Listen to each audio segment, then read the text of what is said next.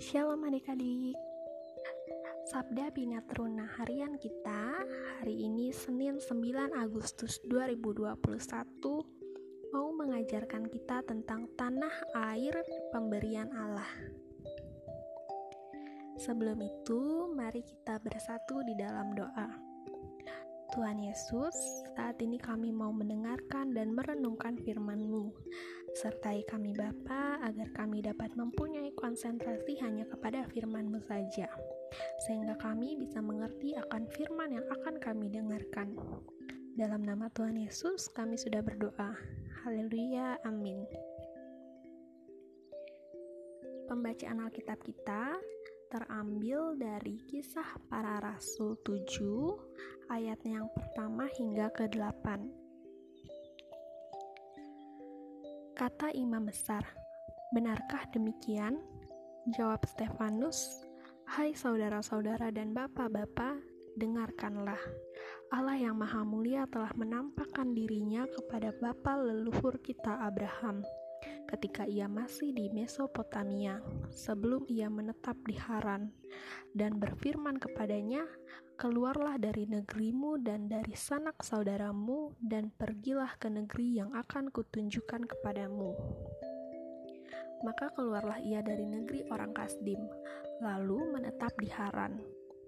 Dan setelah ayahnya meninggal, Allah menyuruh dia pindah dari situ ke tanah ini, tempat kamu diam sekarang dan di situ Allah tidak memberikan milik pusaka kepadanya, bahkan setapak tanah pun tidak. Tetapi ia berjanji akan memberikan tanah itu kepadanya menjadi kepunyaannya dan kepunyaan keturunannya. Walaupun pada waktu itu ia tidak mempunyai anak.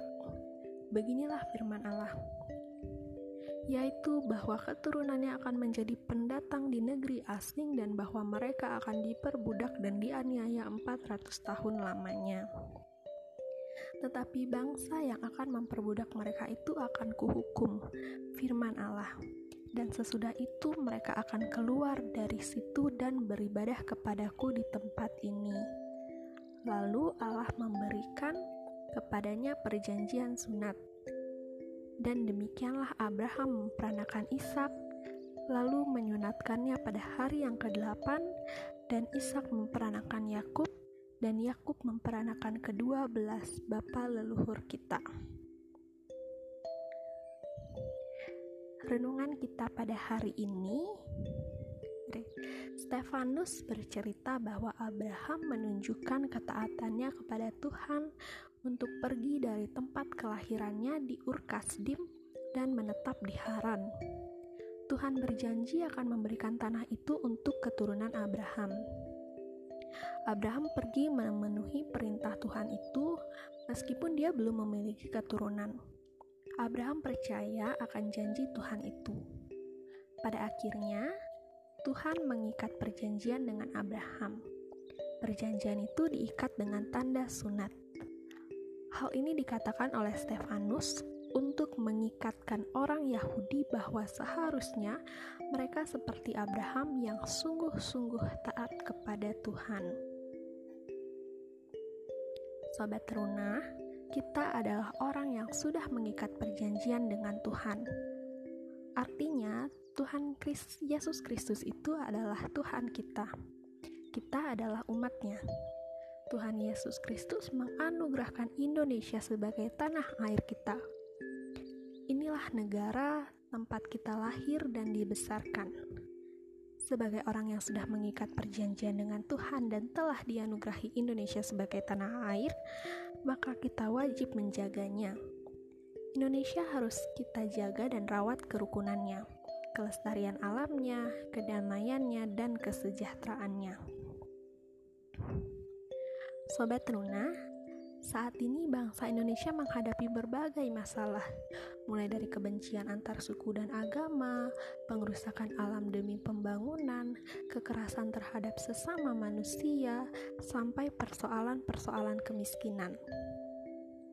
Sebagai umat Tuhan Yesus, kita punya tugas untuk menyelesaikan persoalan ini kita bisa mulai menyelesaikan persoalan ini dengan perbuatan kecil dan dari dalam diri sendiri. Contohnya, mengasihi teman apa pun agama dan suku mereka, menjaga kelestarian alam di rumah kita, dan membantu sesama yang hidupnya miskin. Perbuatan-perbuatan ini adalah usaha kita untuk menjaga tanah air Indonesia yang adalah pemberian Tuhan. Biarpun usaha kita kecil dan sederhana, tapi Tuhan Yesus Kristus akan membuatnya menjadi besar dan berguna. Mari adik-adik kita bersatu di dalam doa. Terima kasih Tuhan Yesus. Tadi kami sudah mendengarkan renungan kami. Tuhan Yesus, kiranya kami firman yang telah kami dengar hari ini bisa tumbuh dan berbuah dalam kehidupan kami hari lepas hari. Tuhan tolong ajarkan kami untuk terus mencintai bangsa dan negara kami Indonesia dan usaha-usaha kami untuk membuat Indonesia lebih baik lagi. Terima kasih Tuhan Yesus, terima kasih. Dalam nama Tuhan Yesus kami sudah berdoa dan mengucap syukur. Amin.